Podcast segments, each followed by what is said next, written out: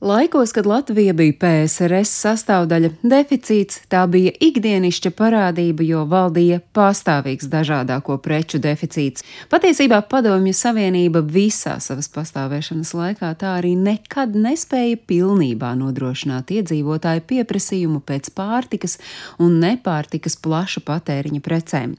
Lai arī deficīts bija līdzās pastāvošs allažs, Ap 1988. un 89. gadu tas kļuva vispārējs.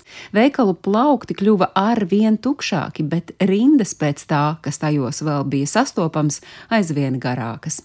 Eļu ugunī ielēja Mihails Gorbačovs, kurš, iespējams labu gribēdams, ar 1987. gada 1. janvāri atcēla līdz tam PSRS pastāvējušo valsts ārējās tirdzniecības monopolu, un tas nozīmēja tūkstoši tūkstošiem kooperatīvu kolhozu uzņēmumu varēja saražoto vagoniem vest pāri robežai, visbiežāk uz draudzīgajām sociālām valstīm, piemēram, Poliju. To, ko lēti varēja sadabūt Padomju Savienībā, bet dārgāk par dolāriem un markām pārdot citur.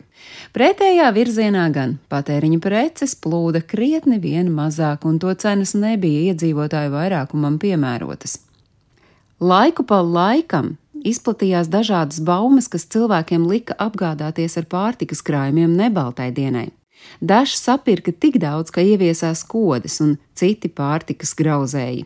Krājumus pirka arī tāpēc, ka tolaik ar tālsatiksmes vilcieniem Latvijā ieradās daudzu tautību bērni, saukti arī par pauniniekiem, kuri vairumā izpirka itin visu un veda to uz savām draudzīgajām republikām.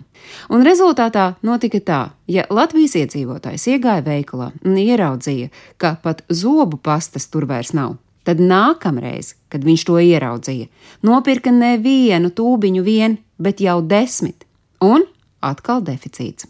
1987. gada beigās sākās cukura drudzis, tam sekoja ziepes, vēlāk veļas pulveris, sērkociņa, sāls, arī degvīns. Nu, un lai mazinātu deficītu, un lai katrs pirktspējīgais Latvijas iedzīvotājs varētu kaut cik godīgi iegādāties pirmās nepieciešamības preces, tika ieviesta talonu un pircēja vizītkaršu sistēma. Pirmās talonu preces bija cukurs un ziepes, ko normēti, uzrādot pircēju vizītkarti, sāka tirgot 1989. gada 1. jūnijā. Katram iedzīvotājam mēnesī pienācās 4 kg cukura. Daudziem palikušas atmiņā arī pret taloniem nopērkamās ziepes, par kurām klīda nostāsti, ka ar tām ārzemēs mazgājot līķus, bet cilvēki pirka, mazgāja veļu un mazgājās paši.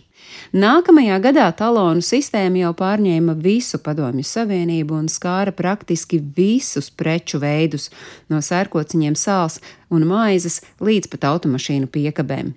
Veikalā bija jāuzrāda pircēja vizītkarte, kas bija derīga preču iegādē tikai attiecīgā rajona robežās. Šos ierobežojumus atcēla tikai 1992. gada 15. aprīlī. Tas tolaik nozīmēja, ka rīznieks laukos pat rupjmaizi nopirkt nevarēja tieši tāpat kā laucinieks Rīgā. 1990. gadā viena persona, uzrādot pircēja vizītkarti, varēja iegādāties turklāt daļu preču tikai pret taloniem - pa kilogramam sāls, putrājumu, miltu, baltmaizes, rupjmaizes, cukuru gan ļāva pirkt 3 vai pat 4 kg. Ne vairāk par 12 sērkociņu kastītēm, 400 gramu sviesta, pa puskilogramam siera krējuma biespiena, makaronu, 20 olas, pudeli augu eļļas un divas kārbas konservu. Vīriešu zeķes vienā pirkuma reizē pārdeva ne vairāk kā divus pārus, toties auzu pārslas, manna un rīsi pienācās tikai bērniem. Stāstīja Agnese Drunka.